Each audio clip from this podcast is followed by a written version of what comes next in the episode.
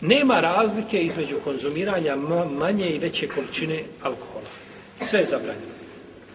Znači, sve je zabranjeno. U tom pogledu je, znači, zabrana došla.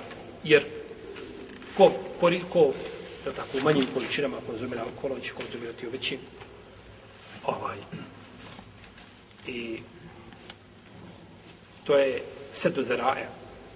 To je preventivno pravničko sankcionisanje, zatvaranje puteva šaru. Jer ko pije jednu čašicu ujutro, on će popiti u podne jednu i na večer jednu i drugog će dan osvaniti pijan. Da tako. Ne, to šerijata te puteve znači zatvara. Kaže poslanik sa osvijem u hadisu, Abdullah ibn Amra, radijallahu anhuma, kaže, kulu muskirin haram, oma eskere kethiruhu fe kaliluhu haram. Kaže, sve što opija je zabranjeno, a kaže, sve što opija u velikim količinama i u malim je haram. Pivo, može li opiti u velikim količinama? Može, tako. Zašto što ova sad specijalna pivo što ima kanisteri po 5 litara. Nekada su ljudi pili pivo, one male, one piva nosile, mala u džepu. Danas se pije pivo od par litara. Ali te ne može opiti jedna čašica mala. Jedna mala čašica te ne može opiti.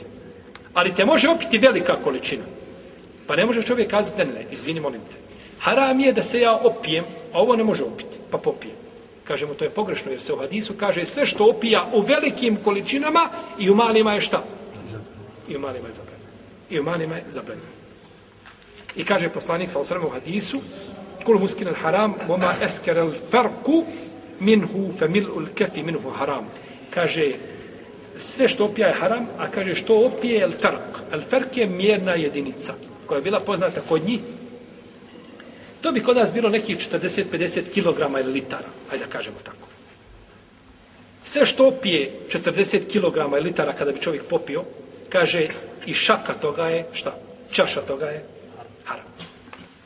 Hadis, subhanallah, univerzalna, znači, ovaj, i kako insan se o, opusti se jednostavno i tako, i tako se ovaj a, rahat, znači, osjeća kada sluša hadisa Allahov poslanika sa osrme koji znači definisali, jeli, ovaj halal i halal, jeli, i haram.